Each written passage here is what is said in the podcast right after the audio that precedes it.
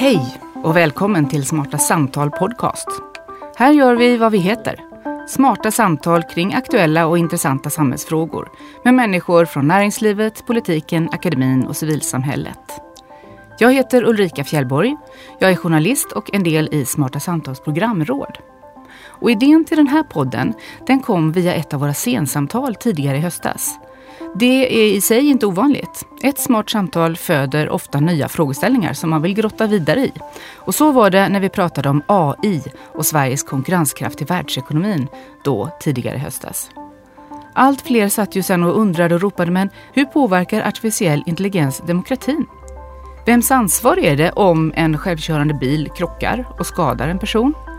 Om en sjukdomsdiagnos som ställs av ett AI blir fel, vad ska AI få göra i samhället? Vilken beslutanderätt ska det kunna ha och vad måste människor ha kontroll över?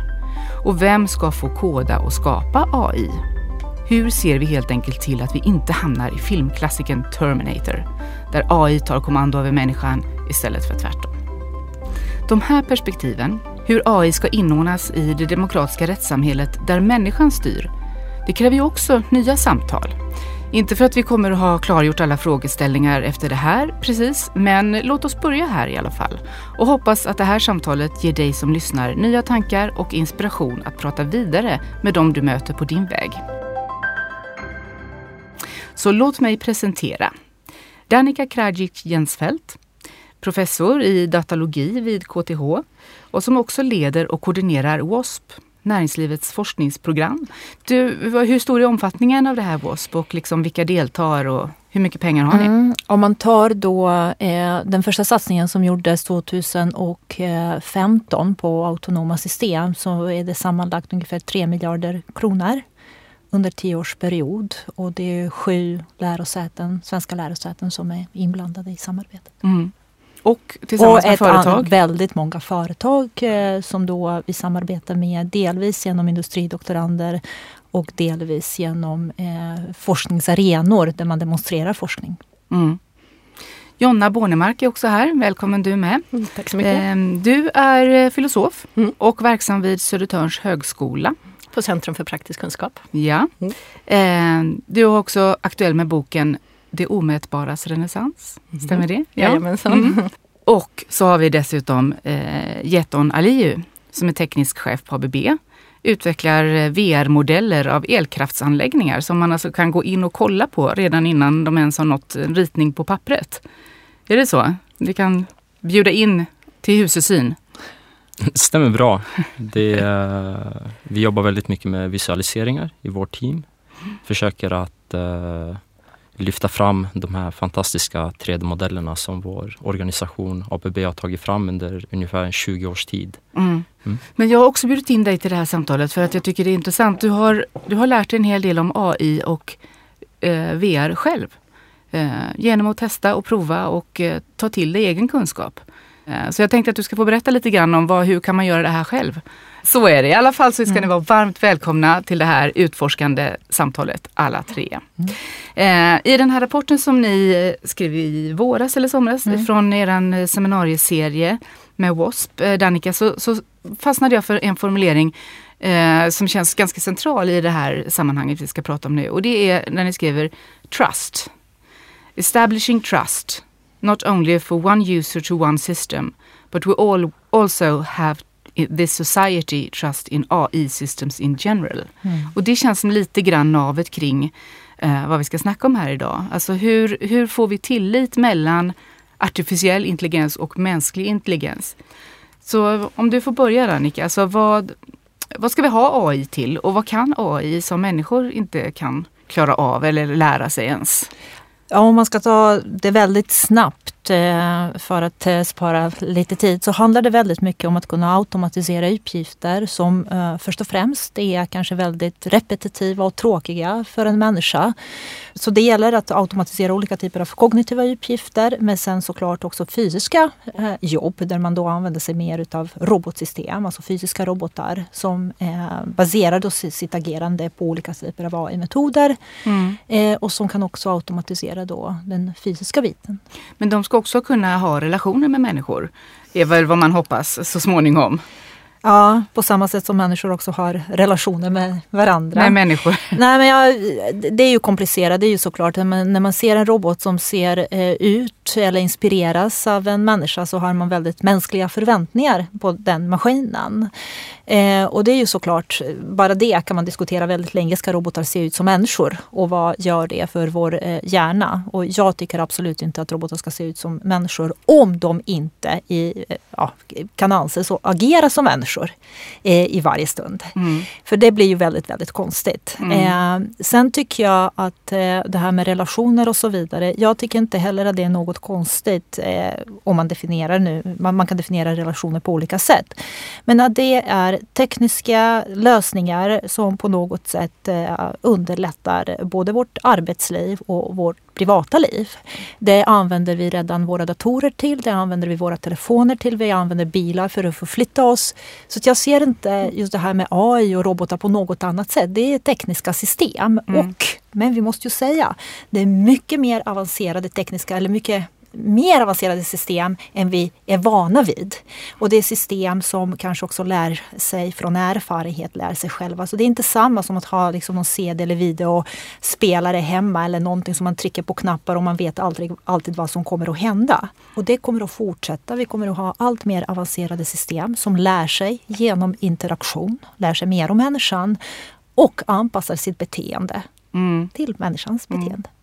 Men samtidigt är det just det här med att lära sig, att nu kommer de tekniska systemen att lära sig bli som människor. Men, men var går gränsen för det Jonna? Vi människor vet att vi inte vet saker. Det är mm. det som gör oss unika gentemot artificiell intelligens som bara vet vad den vet. Då. Det är, um, ja, det är en sak samtidigt som jag tycker det är jättespännande det du säger att vi kanske inte längre vet exakt vad datorerna kommer att se. Mm. Och på så sätt så kan de öppna världar och öppna ett material för oss. Men det måste till syvende och sist vara människan som står där i relation till en obekant framtid i relation till allt det vi inte vet och ser vad som är viktigt och vad som inte är viktigt. Mm. Jetton, du har börjat eh, hålla på med det här för att det intresserar dig helt enkelt. Mm. Eh, vad är det som är så fascinerande? Vad ser du för möjligheter väldigt snabbt och enkelt med AI? För de är ju outtömliga som vi nyss konstaterade, men ändå. Ja, precis. Det, det jag fastnade vid väldigt fort var att eh, Danica gick in på det lite grann i början, är att eh, väldigt många personer går in i väggen just nu och även för en yngre ålder. Och det är på grund av att man har de här alldeles för repetitiva momenten som man utför.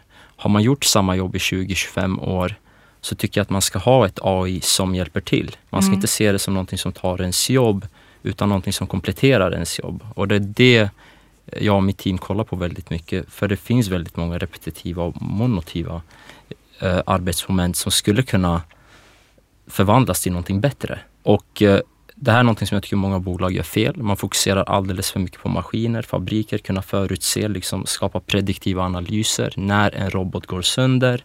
Men jag tycker egentligen man ska kunna eh, prediktera när en människa går sönder istället.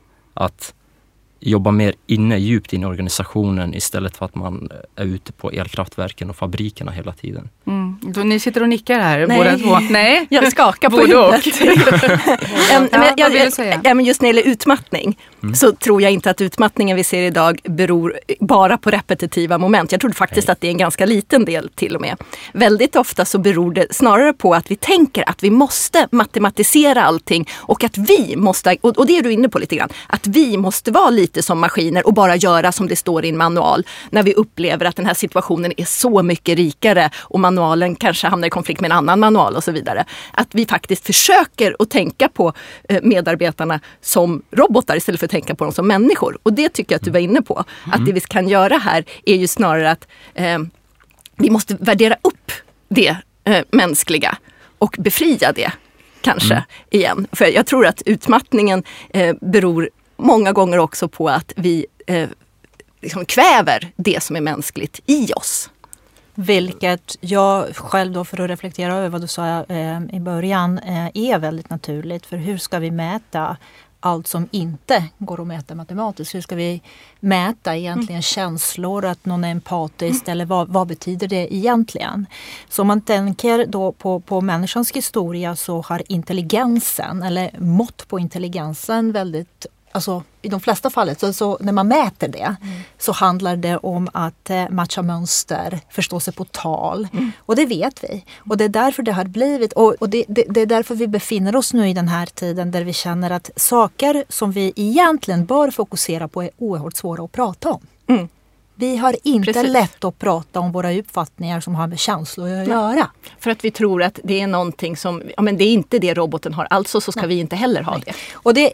Eller vice versa, det, det ja, kan inte jag säga precis. precis. Det, det, det. det är mm. väldigt, väldigt svårt. Mm. Så när jag, känner, när, när, när jag tänker på också med jobb och utmattning, det är ju också för att vi har nu eh, alltså använda, använt oss av tekniska lösningar väldigt, väldigt länge för att också, eh, vad ska man säga, eh, vår interaktion med omvärlden har blivit mycket rikare. Mm. Eh, det är mycket lättare att se när vi gör fel, vi är rädda att någon annan kommer att se mycket lättare när vi gör fel och så vidare. Och det är därför man också liksom dödar kreativiteten.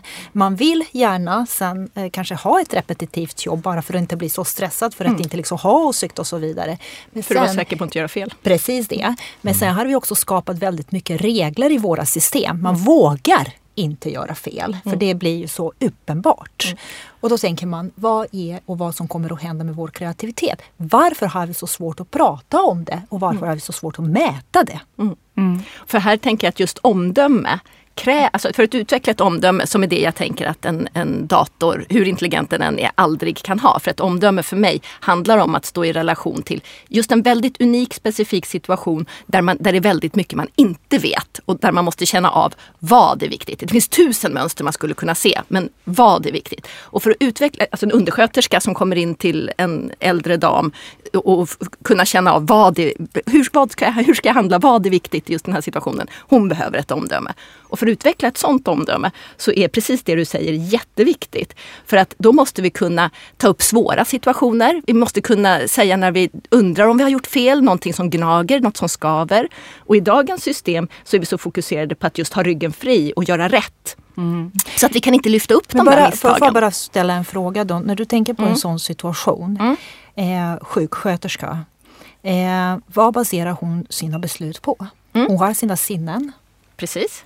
Så hon inhämtar information om omvärlden plus att hon har sin erfarenhet av liknande situationer. Mm. Låt oss nu säga hon, hon har gör... också en eh, känslor och kan fånga upp stämningar. Ja absolut, men låt oss säga, jo men det här fånga upp stämningar det är ändå liksom en massa kemiska processer i kroppen. Det här med liksom hon mäter någonting, det, det är fortfarande stämningen. Den, den baseras på att liksom hur hon uppfattar omvärlden. Stämningen är inte liksom något annat än det. Kan man, kan man skapa en sån robot som ja, ja, skulle ja, ha den kompetensen? Alltså, och vad skulle det innebära? Ja, absolut. Det, det hoppas jag verkligen på. Alltså jag har barn med särskilda behov eh, som är 11 och som inte pratar. Som inte kan förmedla eh, vad han tycker, tänker, känner via bilder heller på något bra sätt. Och eh, under då dessa 11 år med Jonathan så har jag insett att eh, well, det är ju ingen annan som förstår honom på samma sätt som jag. Och varför det? För att det är jag som spenderar eh, all min tid med honom. Eller har gjort i alla fall tills han började skolan. Mm. Sen är han i skolan åtta timmar varje dag. Och där händer det en massa situationer och händelser som jag inte kan något om. Eh, och då tänker jag, ja skulle det un inte underlätta för mig om jag har tillgång till videosekvenser till exempel av all bete alltså alla händelser under dagen för att kunna förstå mig bättre på liksom vad som har potentiellt orsakat något eh, i, i alltså Jonathans eh, känslor, stämningen, bla bla bla och allt det där. För jag ser att det vissa dagar är bara fel. Förstår du vad jag menar? Mm. Jag vill ha ett par extra ögon. Mm. Och då, det är därför jag tror att om vi har tillgång till väldigt mycket information mm. som går att behandla mm. och jag kan säga, ja men där blev han arg för att jag vet hur han reagerar när han är arg. Om jag kan då sätta olika labels på den datan, så här ser det ut när han är arg. Så här ser det i princip, mm. med tillgång till data så tror jag att vi kan skapa system som underlättar för en människa att förstå sig på en annan människa. Finns det uppgifter som vi inte kan överlåta åt? För nu är du ändå inne på ganska avancerad mänsklig kommunikation så att säga. Mm. Och, och, du är tveksam till den? Ja, men, men, men jag, jag, tycker att det du säger är jätteintressant. Men det du vill ha där, mm. det är ju ett material för att hjälpa andra människor att tolka. Eller hur? För att, eh, eller tänker du sen att den där skolan ska vara bara befolkad av olika typer av robotar. Nej, jag, jag, nej, nej, nej, nej. jag precis. pratar alltid jag, jag om ville... interaktion. Jag pratar alltid om interaktion och jag pratar alltid om verktyg som underlättar för människor. Just det. Och det tycker jag är något helt annat mm. än vad undersköterskan kan i de här situationerna. Mm. För undersköterskans kompetens försvinner inte även om mm. det där vore ju ett mm. fantastiskt hjälpmedel mm. som undersköterskan skulle kunna ta del av. Men sen är det lika fullt upp till undersköterskans omdöme att mm. göra det till handling. Många, många är ju väldigt rädda för AI i samhället på den basen att just vi människor kommer att bli överflödiga. Liksom. Eh, var, varför tror du att det har blivit en sån hetsig diskussion kring den biten? Överhuvudtaget har blivit så hett med AI på senare tid? Uh, ja, uh, det beror egentligen på, på tre grejer skulle jag säga. För tittar man på AI, egentligen som Danica var inne på, att hon har undervisat och forskat i det här väldigt länge, så har det sett likadant ut sedan säg, mitten på 50-talet ungefär. Men idag så lagras allting. Datahanteringen är helt annorlunda. Vare sig hur en robot mår i en fabrik eller hur en maskin presterar eller dina favoritflingor på ICA Maxi, liksom priset på dem lagras någonstans. Och det ger helt andra förutsättningar för att jobba med data. Och det andra är processorkraften. Idag kan du hantera data på mycket snabbare sätt och väldigt billigt. Du kan som en 15-åring sitta hemma och ta fram egna applikationer och ha processorkraften någonstans i USA, det vill säga cloud computing. Mm. Och det tredje är, vilket är egentligen min favorit, det är eh, open source, det vill säga den här öppna communityn i världen. Att världen aldrig mer har, har aldrig mer varit öppen som den är idag. Och eh, det betyder att egentligen att du inte behöver längre vara lika insatt som förut för att kunna starta upp ett AI-projekt. Att du kan till och med börja bygga på någon annans applikation om de har lagt upp den åt dig och gjort den liksom, vem som helst får börja bygga vidare på den här. Men du, vad kan man åstadkomma då? Det, låter, det känns ju för mig som är inte så insatt i AI eh, helt livsfarligt.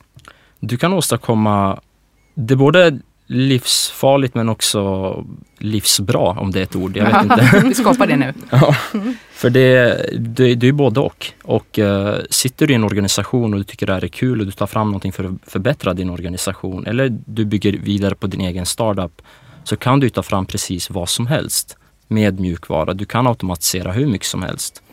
Och, uh, men du kan även ta fram riktigt dåliga grejer. Mm. Och uh, bara få ett litet sidospår, om man kollar här i augusti så försökte FN liksom starta förhandlingar med alla länder om autonoma vapen. Och då tyckte vissa länder var bra, Kina var på att göra det här. Men Israel, Ryssland och USA tyckte att eh, förbjöd sina länder helt och hållet att vara med i de här diskussionerna. Vad skulle det innebära, autonoma vapen? Det är ju, vi vet ju att eh, drones flyger runt överallt just nu. Och autonoma vapen är när du när det här, eh, det här flygplanet eller dronet eh, lär sig avgöra själv vad som är en civilperson och vad som är en terrorist. Och den tar beslutet själv om den ska skjuta ner en missil eller om den inte ska göra det. Istället för att det sitter en person på andra sidan Atlanten och trycker på knappen. okay. och, Så att AI mm. helt enkelt fattar beslut om att attackera eller inte attackera? Utan att det är en människa inblandad? Precis. Beroende på vad och, man har kodat in i den tidigare? Och precis, och då liksom var går gränsen kan man tycka? Liksom, hur många beslut kommer den behöva ta för att den ska känna att det blir rätt beslut i slutändan? Mm. Och det här är någonting som eh, är livsfarligt egentligen. Ja. Och det är den, så de två delarna. Ja men precis och mm. den här gränsen är jag ju väldigt intresserad av. Vad säger ni som då på något vis den tekniska möjligheten och de filosofiska eh, ja. etiska ställningstagandena. Hur långt vågar vi dra AI? Vad ska det få makt över? Jag är inte säker på att vi överhuvudtaget kan dra den gränsen idag. För det är ju liksom någonting vi måste faktiskt ha ett, ett situationsomdöme från, i situation från situation. Men däremot så måste vi fortsätta prata om det. Och det som, jag, som slår mig när du liksom drar de här olika parametrarna är ju att i den här ökade eh, informationsflödet och ökade möjligheterna. Människan får ju så mycket muskler. Och då gäller det precis som i tidigare sådana tekniksprång, till exempel när atombomben uppfanns och i början på 1900-talet, så gäller det ju att vi faktiskt eh, fokuserar kanske ännu mer på att eh, vara bra människor. På att fundera på vilka vi är, vad vi vill göra, vad som är eh, värderingar, mm. vad, vad, som är liksom just den här situationens unicitet och så vidare. Mm. Att vi, det, är lätt att vi blir liksom förförda av tekniken och så vill vi bara liksom att den ska få utvecklas och liksom explodera. Och så hamnar, och människan blir liksom undervärderad och något som vi inte längre ser och inte längre skapar system för mm. i slutändan. Och det tycker jag är det allra farligaste. Där tycker jag att gränsen går. Att vi måste ju mer muskler vi har, ju mer teknik vi har, desto bättre människor måste vi ha. För det blir ju farligare eh, att vara sämre människor. Helt mm. enkelt. Det där är ju väldigt tankeväckande. Vad säger du Götan? Ja fast du jämförde med liksom, uh, första atombomben och så vidare. Det, idag är det mycket svårare skulle jag säga. För idag är vi redan uh, cyborger fast vi, vi mm. tror det eller inte. Vi har en mm. telefon Visst. i fickan ja. och uh, det är egentligen en förlängning av dig själv. En intelligent förlängning. Du skulle kunna svara på vilken fråga jag än ställer till dig inom 30 sekunder mm. genom att googla det. Inte vilken fråga du än ställer skulle jag vilja säga. Okay. Utan vad då? ja, vad är Eller? meningen med livet för dig? Kan du googla svaret på den frågan? Du Vem kan googla du? det men du får nog alldeles för många svar. Ja, men du får inte, om jag frågar vad är meningen med livet för dig? Så kan du definitivt inte googla det. Nej. Nej. Nej, verkligen inte. Men jag tänkte att du har det här informationsflödet som aldrig slutar. Mm. Jajamensan. Innan var det lite, lite lättare att stänga av sig själv och verkligen inse, är jag en bra människa eller inte en bra människa? Idag liksom, är du så desperat efter information. Du vill hela tiden bli bättre. Du sa att vi har muskler mm. och vi har ju det. Vi, du kan ju lära dig precis vad du vill, när du vill mm. och hur fort du vill. Och det är lite tillbaks till din fråga där hur man kan börja med AI idag. Och du kan, jag, jag kan börja nu på vägen hem när jag sitter på tåget till Västerås och lära mig på en timme någonting jag inte har kunnat innan. Precis vad jag vill. Och göra en, en applikation som gör någonting? Ja, det blir nog svårt på en timme men... Två veckor? men eh, det, men precis, alltså du kan ju liksom, det blir bara ett helt annat informationsflöde än vad det var förut. Det här gick inte för tio år sedan om jag säger så. Mm. Men eh, ja, jag tänker så här allt vi människor gör idag kan göras bättre. Mm. Och det skrämmer oss. Vi är medvetna om det mer än någon, liksom någon annan gång liksom i mänsklig historia. Anything goes. Och det som skrämmer, skrämmer oss liksom mest av allt, att det kan göras av maskiner. Och så blir det. Stora frågan är, eh, vad jag ser det nu som, är att liksom, vad blir det av människan? Vi hela tiden har en diskussion där vi fortsätter utvecklas, ganska långsamt.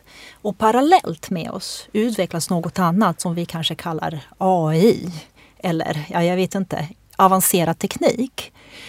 Det som man inte ska glömma är att eh, AI det handlar väldigt mycket just om eh, algoritmer men så småningom kommer det att handla om olika typer av avancerade kroppar. Vad händer när AI och nano kommer nära? Och inte bara nära utanför människans kropp. När det kommer nära inne i människans kropp. Ge mig en hint om, om Nej, vad som kan alltså, hända då. För ja, det... vad som kan hända. Till exempel att vi inte behandlar våra sjukdomar idag, alltså på, på ett kemiskt sätt som vi gör idag med mediciner. Att vi gör det på ett mekaniskt sätt. Alltså du har små kroppar som rör sig och eh, kittar virus, bakterier, allt det där lokalt i kroppen och dödar dem.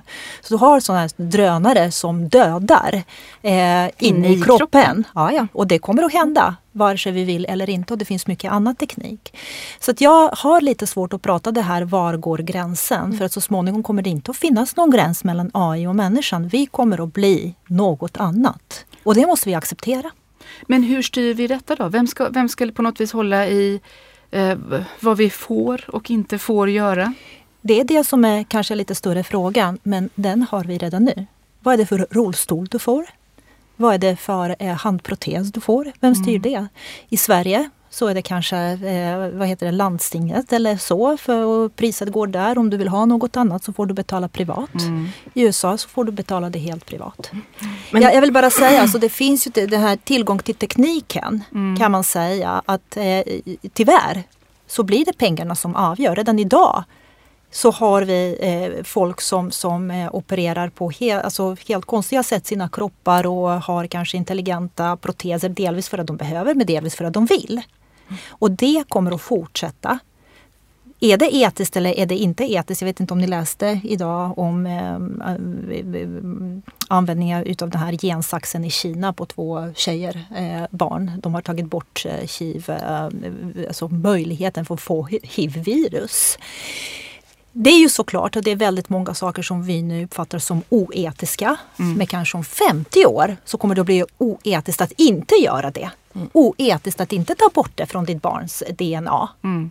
Och sen är det här en teknik som man har eh, eh, filmatiserat så väldigt mycket och mm. så väldigt länge. Att vår uppfattning om tekniken är helt orealistisk och vi är rädda för att vi är skrämda av Hollywoodfilmer, mm. inte för att vi verkligen förstår oss på tekniken. Och varför ska vi göra det? Varför ska man sitta liksom på tåget till Västerås och lära sig en ny algoritm istället för att, eh, jag vet inte, surfa efter kläder eller skor som är mycket lättare och roligare kanske. Förstår du vad jag menar? Det beror på vad man gillar. Jag vet, men utbildningen är inte någonting som 95 procent av befolkningen ska, kommer att välja. Nej. Vi gillar inte att utbilda oss och det ska man inte glömma.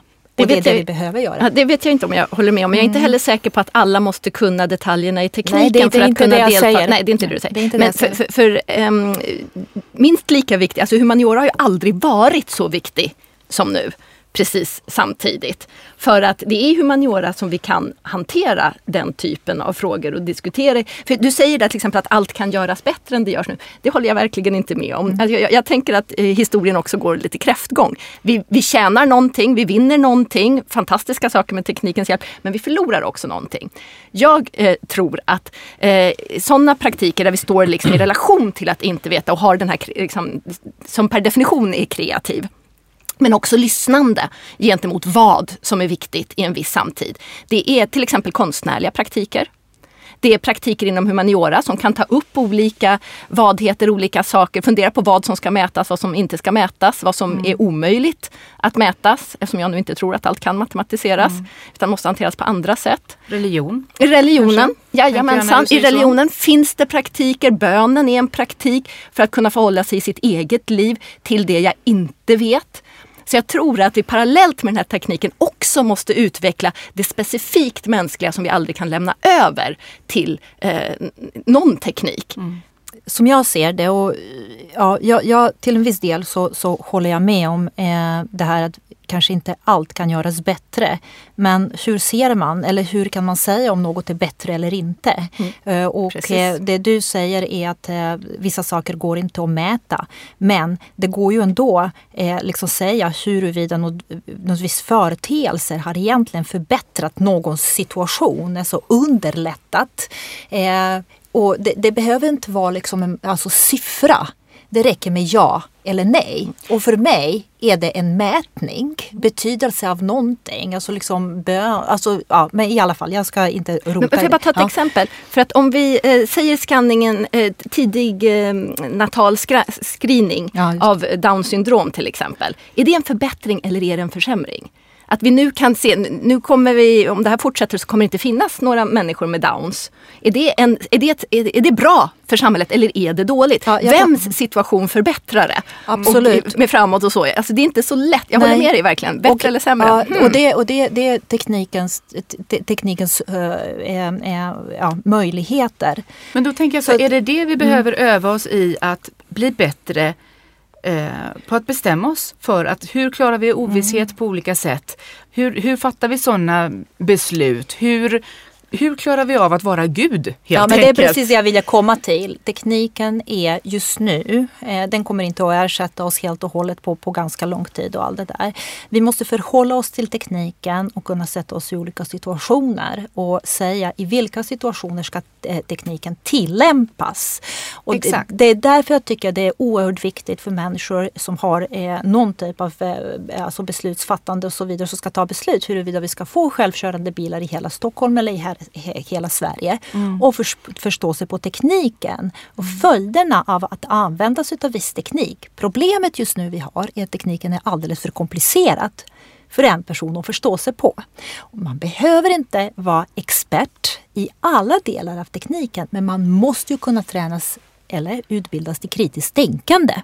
Man måste ju se i vilka situationer och vad den här tekniken kan resultera i. Och då måste man jobba mycket mer interdisciplinärt. Mm. Och det är vi inte vana vid. Nej. Vi har väldigt svårt liksom, att ta hänsyn till din utbildning och min mm. utbildning, våra mm. bakgrunder och sen, mm. ja, men, vänta nu, Jonna faktiskt har en poäng där. Jag måste mm. gå och reflektera över vad hon sa. Och så har det inte varit skulle jag mm. vilja säga historiskt sett. Och jag har jobbat i väldigt många eh, interdisciplinära projekt det är svårt för människor med olika bakgrund att faktiskt förstå sig på, nej men hur tänker du då? Eller varför är det sant? Eller, mm. Ja. Mm. Så vi, det, det vi behöver lära oss mer om är helt enkelt eh, människan och eh, hur vi funkar och att lära oss samarbeta. Vi har skapat liksom stuprör för kunskapen där tekniken blir ett stuprör. Och när tekniken får sån liksom expansion som vi ser nu så suger det till sig så mycket intresse. Och så lilla humaniora som inte får några medel alls i jämförelse direkt och som är, är gammalt och dammigt och så här, ja men vad ska vi med det till? Men jag tycker att den här typen av frågor i allra högsta grad visar hur vi, det finns så många samtal, inte minst mellan humaniora och teknik till exempel, för att kunna möta all, liksom den totalt nya situation som vi kommer att ställas inför. Ja precis och då tänker jag på det som, som du var inne på att varenda 15-åring på ett, ett, eh, i en skolsal kan sitta och hålla på med det här. Det första... Hur ska man skapa sådana läroprojekt på det här området? Så att människan lär sig hantera både varandra och AI. Jag tror man måste inse att eh, liksom redan i tidig ålder, att speciellt idag, att man, att man använder sig av AI varje dag utan ens att tänka på det. Och jag tror att ju tidigare man inser det här, desto mer mottaglig kommer man bli för det i arbetslivet och man kommer inte få det som en chock. Mm.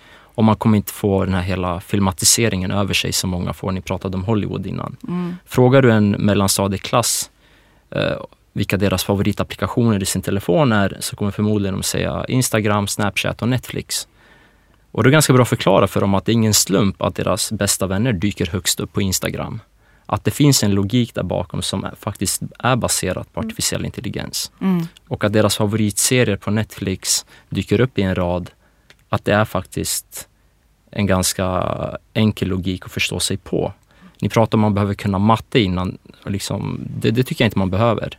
Alltså självklart, man, man läser, man läser det, man förstår ju det. Mm. Men jag tror man ska förstå vad som händer och inte tro att det är magi i bakgrunden. Mm, För den, mm, den här verkligen. chocken man får sen ja. när man kommer till arbetslivet och din chef kommer och säger Hej Kalle, vi har ett AI-program här som ska sköta all inköp nu.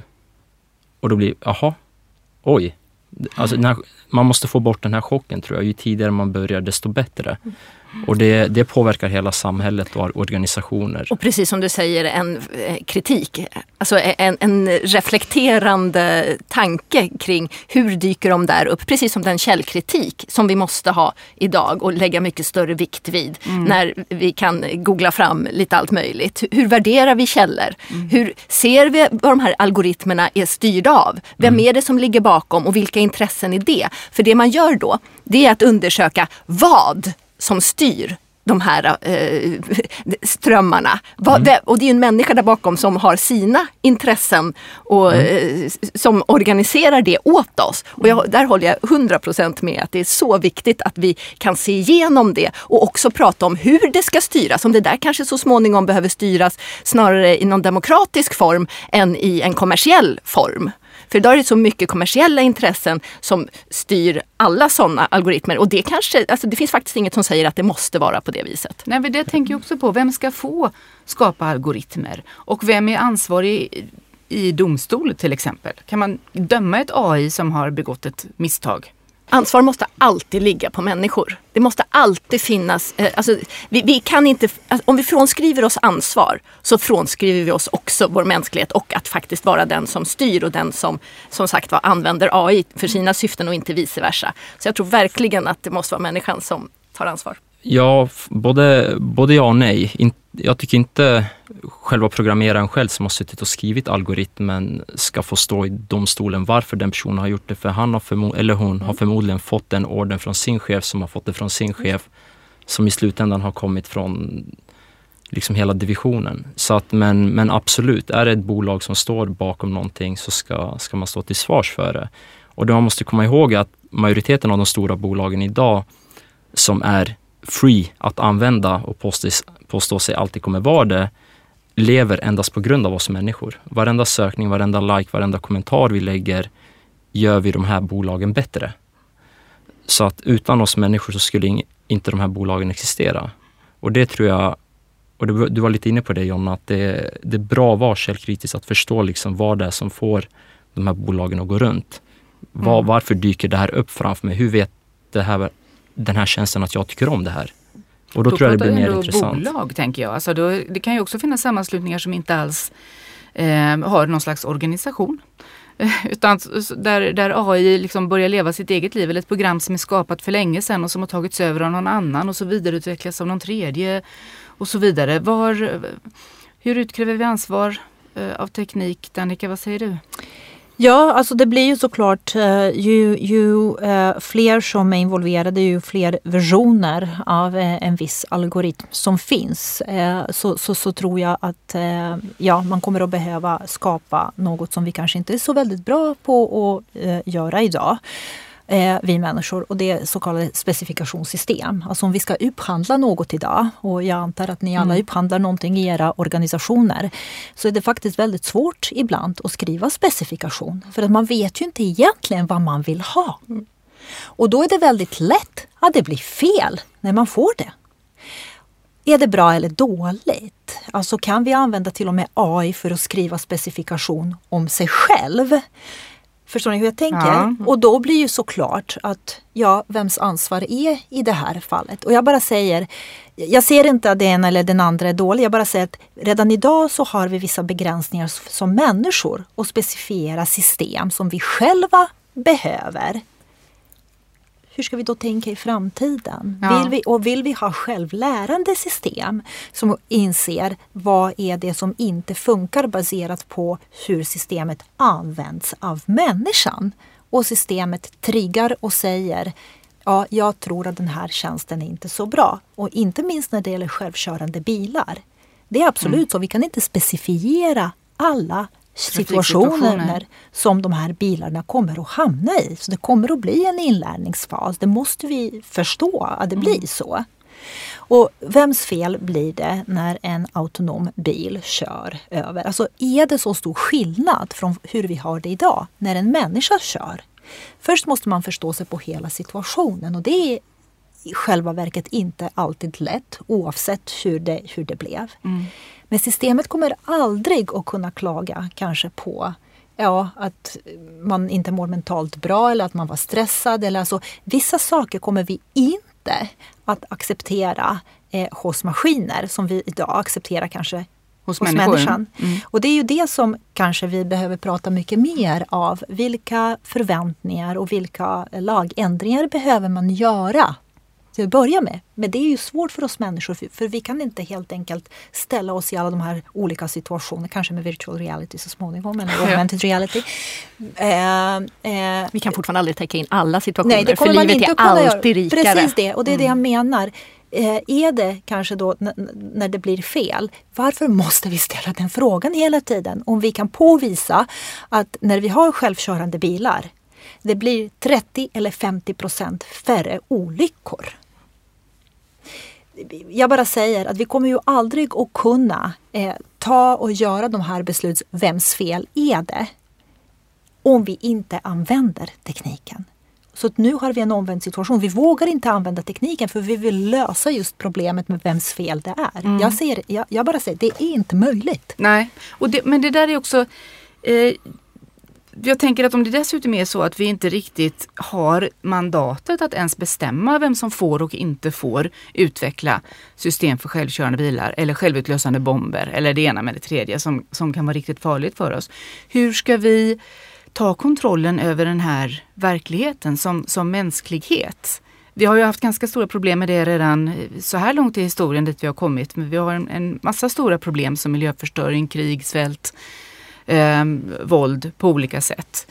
Eh, Å ena sidan kan man tänka att ja, men det här är ju demokrati på riktigt för här har alla människor möjlighet då så småningom att eh, lära sig det här och, och utöva makt över andra genom olika typer av intelligenta artificiella system. Eller så tänker man att det är bara teknikerna i framtiden som kommer att kunna detta. Du skakar på huvudet nu Annika, så mm. nej okej okay, då vet vi det i alla fall. Jag tar det på ordet. Men hur ska vi kunna utöva makt på något vis demokratisk makt över varandra. Jag tror att det som vi, alltså trenden i samhället som vi ser idag är det faktiskt att det finns väldigt mycket diskussion till att börja med om de här systemen. Kanske inte tillräckligt mycket för att våra politiker vet inte hur man ska ens föra diskussion på ett bra sätt. Eh, I och med att det finns väldigt mycket okunskap om vad som går att göra och vad som inte går att göra. Det är delvis det. Mm. Sen är det så att det, det, är väldigt mycket av tjänster som vi använder idag som vi vet ingenting om. Eh, trots eh, alla open source och allt det där. Vi vet ju egentligen inte exakt hur algoritmerna fungerar.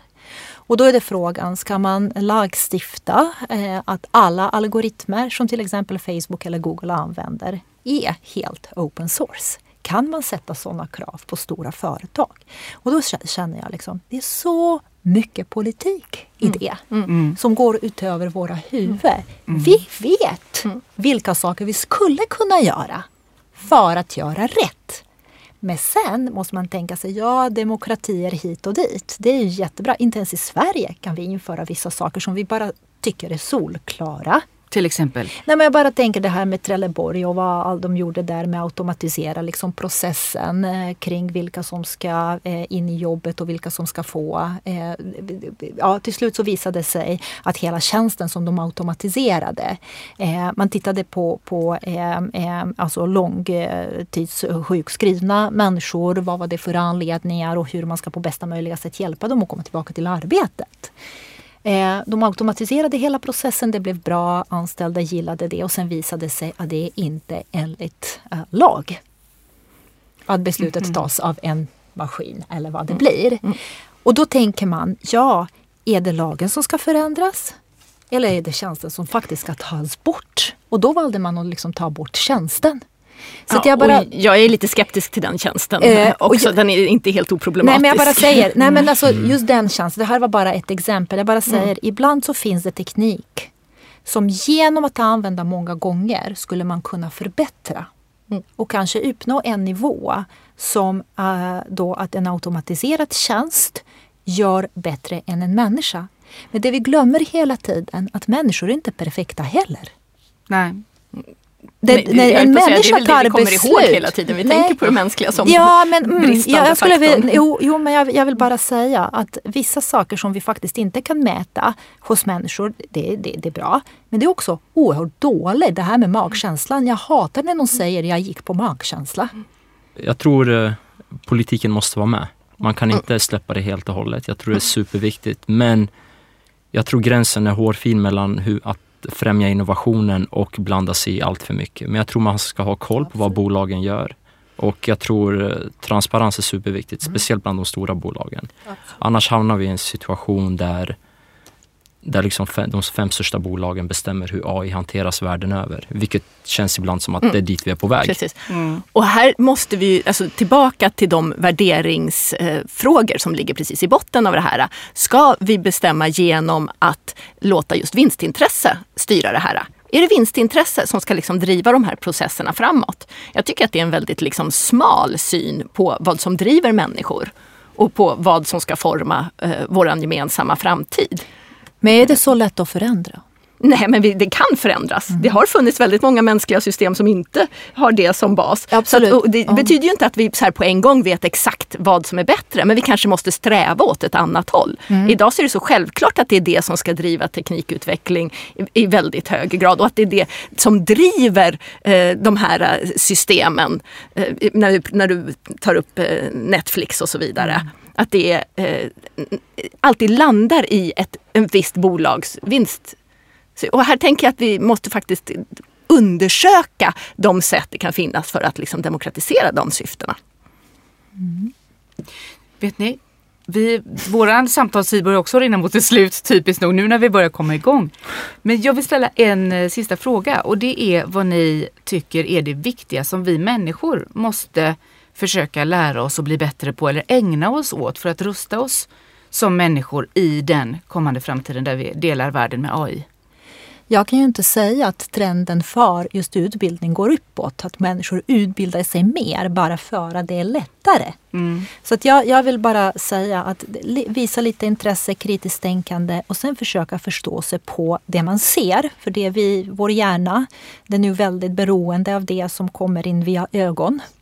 Eh, och försöka, det jag läser, det jag ser, är det här verkligen sant? Eller alltså kritiskt tänkande kring information som jag har tillgång till. För det är det som det har blivit idag. Jag får en uppfattning om saker och ting som jag sen förklarar med min egen okunskap. Jag tycker att man bör vara lite mer försiktig med vad man säger om saker och ting. Och det är väldigt många idag som vill uttala sig om AI utan att ha någon kunskap om AI. Jag du? tror förstås att vi behöver få en ny syn på människan och på vad det mänskliga är för något som... Eh, alltså en, en dator är och förblir ett räknande. Och här har vi ju faktiskt en superviktig filosofisk fråga om verkligheten är i slutändan beräkningsbar. Är den det så eh, kommer datorerna alltid att trumfa oss. Är den inte det till alla delar så kommer den inte att övertrumfa oss. Och eftersom du inte tror att den är det, vad Nej. skulle du säga är det viktiga människor bör ägna sin mänskliga förmåga till? Eh, till att just inte veta, inte redan eh, veta vad som är bra och dåligt, inte redan veta vad en människa och en dator är kanske till exempel. Och därur eh, fånga upp vad är viktigt just här, just nu, ha just de här praktikerna för att eh, vara kreativ. Och, och här, det vore ju så intressant om det också kunde eh, finnas en liksom befrielse Alltså att det handlar också om att befria människan och inte bara låta den här matematiserbara världen förslava människan. Men den vändningen eh, har vi inte sett än, men jag tror ju att den eh, måste komma om människan överhuvudtaget. Alltså när människan bara ställer sig frågan varför lever jag? Det kan en dator aldrig besvara. Vad säger du Eton? Jag tror eh, att eh, AI har eh, fått en sån enorm komplexitetsstämpel över hela världen. Det är, jag var lite inne på det innan, att det är nästan magi. Och det här är superviktigt att för både organisationer och människor att förstå att man ska använda det som ett kompletteringsverktyg. Just nu i alla fall. Sen får vi se vart det tar oss.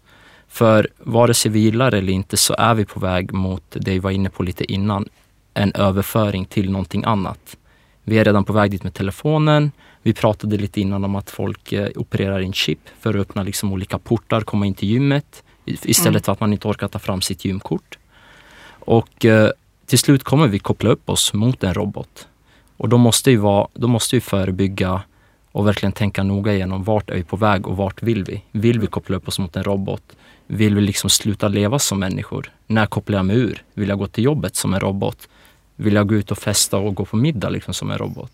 Och, och det är liksom, jag tror att tillsammans, både liksom inom Europa men även andra sidan Atlanten, att ha ett gemensamt mål med AI tror jag är superviktigt. För eh, spretar åt alla håll så kommer det till slut bestämmas av ett fåtal bolag. Det är det här, och de kommer bestämma vad AI är. Hur åstadkommer man det egentligen? Alltså, vad behöver människan ägna sig åt för att jag tror man måste börja med sig själv och sin, eh, sin lilla avdelning skulle jag säga, eller hemma själv. Vad, vad vill jag ha? Vad ska jag med ett AI till? Vill jag kanske bara ha en HomePod när jag kommer hem? Så säger jag sätt på musik. Uh, Hej, boka en resa åt mig. Uh, kan, du kolla, kan du boka en tid på restaurangen? Det kanske räcker gott och väl för mig. Jag vill inte ha någonting mer med AI att göra och det är fine. Men som en st stor organisation så tycker jag man ska ha en tydlig bild med hur mycket man vill automatisera. Och, och, varför då? Och varför man vill automatisera. Och då, då kommer ju den här hela revenue-grejen in. Att uh, handlar det bara om vinst? Och ju tidigare man börjar, desto bättre förebygger man det här. För väntar man så kommer ett bolag från USA komma med en, med en applikation som gör att konstruktörerna blir obsoleta. Det händer. Men börjar man idag som en organisation, då kommer de här konstruktörerna ha tid och ha överfört sitt arbete till någonting annat. Och sker det steg för steg så kommer det inte spela någon roll om ett AI kommer att ta jobbet, för ett nytt jobb har skapats under de här åren. Så därför är det superviktigt för Sverige att verkligen eh, eh gasa på skulle jag säga. Men med politiken i ena handen och tekniken i den andra. Okej. Okay. Tack så mycket för ett fantastiskt samtal och många spännande framtidsutsägelser. Eh, vi ska alltså ägna oss åt att eh, ta varandra i hand, jobba mellan olika sektioner och discipliner, lyfta huvudet ur sanden och bara ta oss an uppgiften och dessutom fortsätta ifrågasätta och fråga oss vad är meningen med livet? Kanske. eh, tusen tack för att ni har medverkat i Smarta Samtal Podcast. Mm. Nu återstår för mig att tacka dig som har lyssnat. Hoppas att det här har givit dig någonting och att du kan fortsätta samtal eh, i din omgivning. Hej så länge!